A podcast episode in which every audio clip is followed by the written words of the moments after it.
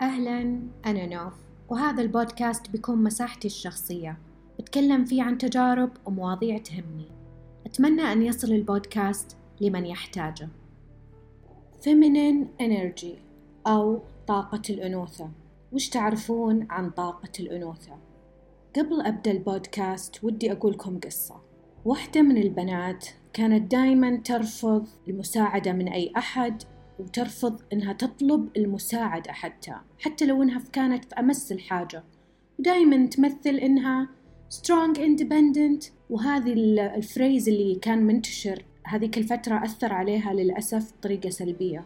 حتى لما يجي أحد يمدحها على شغلة سوتها دائما تقول آه لا بس إنه في عيب كذا في أو حتى لو أحد مدحها على شكلها مستحيل تقول شكرا وتسكت. إلا لازم تطلع عيب في شكلها أو عيب في شغلها. أنا أعرف أن هذه النوعية كثير وللأسف أنه يتفاخرون أنه ما تطلب المساعدة من أحد وأنها دايما معتمدة على نفسها كليا حتى لو أنها مو مضطرة. في ناس بتساعدك ليش ترفضين المساعدة؟ ودايما تلقونها تركض في كل اتجاه عندها أشغال كثيرة وهي اللي ملزمة نفسها فيها. في بعض البنات يحمل نفسهم مسؤوليات ما هي من مسؤولياتهم. وعشان المصداقية أنا كنت من الناس اللي ياخذ مسؤوليات وياخذ أدوار مو دوري ولا هي مسؤوليتي. يعني بالنهاية أنا أنثى أستقبل الدعم واستقبل المساعدة. ومو بس كذا هذه من أبسط حقوقي وأنا أستحق هذا الشيء. وأبدا مو ضعف إنه نعبر عن احتياجاتنا وإنه متى نحتاج المساعدة. بالعكس يعتبر هذه من نقاط القوة إنك تعترف إنه تحتاج مساعدة في هذا الموضوع. نقدر نختصر تعريف طاقة الأنوثة بأنها طاقة الإبداع واللطف والاستقبال ويكون في انسجام بين مشاعرك وبين تعبيرك عنها. طب كيف أوازن طاقة الأنوثة عندي؟ قبل تبدين أي تغيير لازم تسوين تقييم لطاقتك. شوفين كيف تصرفاتك وتعاملك مع مشاعرك. هل أنت تكبتين هذه المشاعر وما تعبرين عنها؟ وهل أنت من النوع اللي دايما يتهرب من مشاكله بالعمل والإنجاز؟ وطاقة الأنوثة مو بس شكل مو بس أنه تحسينك أنثى بمعنى الكلمة بشكلك وتصرفاتك. لازم حتى من جوا تكونين متصالحة مع أفكارك ومشاعرك. وتقدرين تعبرين عنها وتسمحين أو تقبلين بالمديح أو بالمساعدة إذا انعرضت عليك.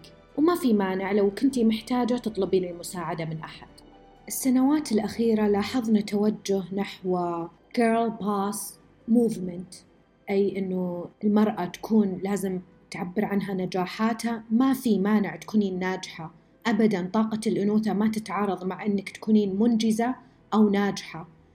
هو المشكلة في إيش؟ إنه يصير تركيزنا على الإنجاز أكثر شيء وما يهمنا مشاعرنا ولا يهمنا كيف نتعامل معها.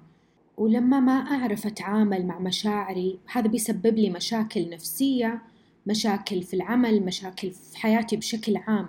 وأسهل وأصعب طريقة ممكن تساعدك لفهم مشاعرك أكثر هو إنك تنغمسين في اللحظة اللي أنت قاعدة تفكرين فيها الآن.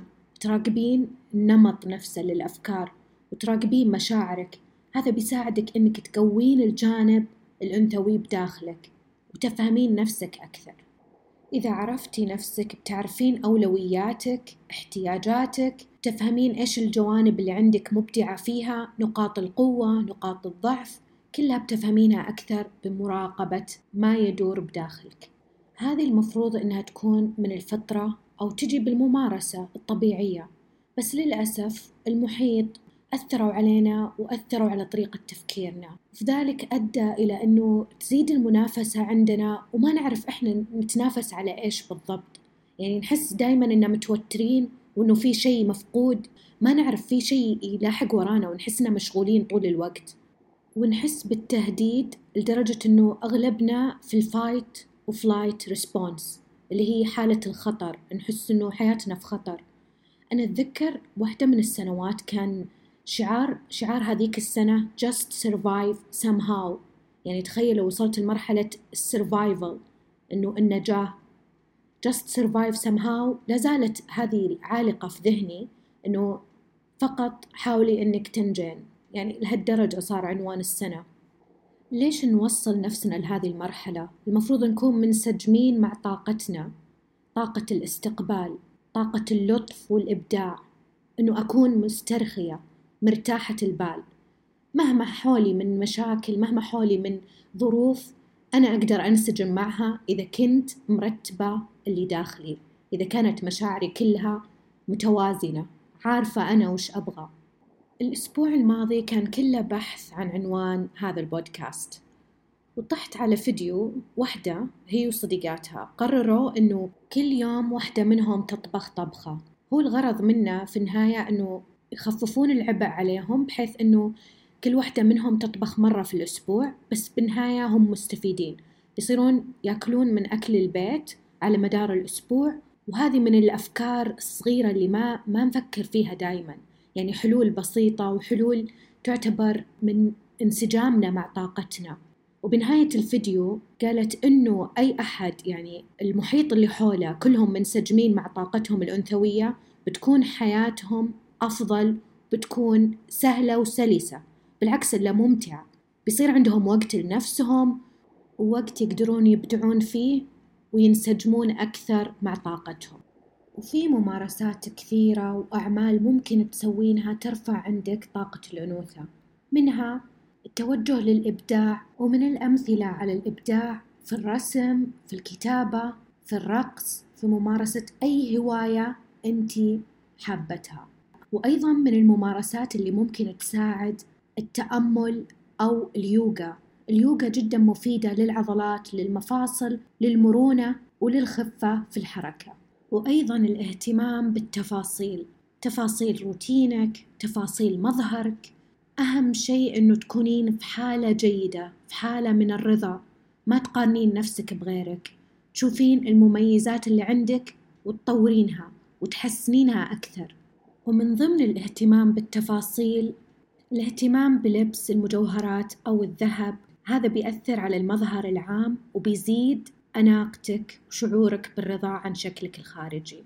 ومثل ما الشكل الخارجي مهم ويعكس على داخلنا من المهم أيضا الاستشعار بتقدير الذات وحب الذات. لازم أعرف أنه استحقاقي عالي. أنا أستحق أفضل الأشياء تحصل لي وأكرر بيني وبين نفسي توكيدات تساعدني إني أتغلب على أي مشاعر سلبية أو أفكار سلبية. بشارك معكم بعض من التوكيدات اللي ممكن تكررونها كل يوم. أنا الحب أنا الجمال أنا الجاذبية أنا الوعي أنا الإدراك أنا الأمان أنا السعادة. أنوي كل يوم العيش بشعور بهجة الأطفال. أنا أستحق السلام والبهجة والسعادة. أنوي أن أزداد حبا وجمالا وجاذبية. أنوي أن أزداد قوة وثقة ونجاح. أنا أستحق الأفضل دائما وأبدا. أنا أختار القوة والتمكين والنجاح والثراء. أنا خلقت للنجاح والثراء والسعادة. أنا اخترت عيش حقيقتي وحقيقتي هي الثراء. الثراء يليق بي كل يوم. أزداد ثراءً على حسب حاجتكم تقدرون تغيرون التوكيدات هذه وتكررونها مع نفسكم. في نهاية البودكاست حابة أشكركم على استماعكم.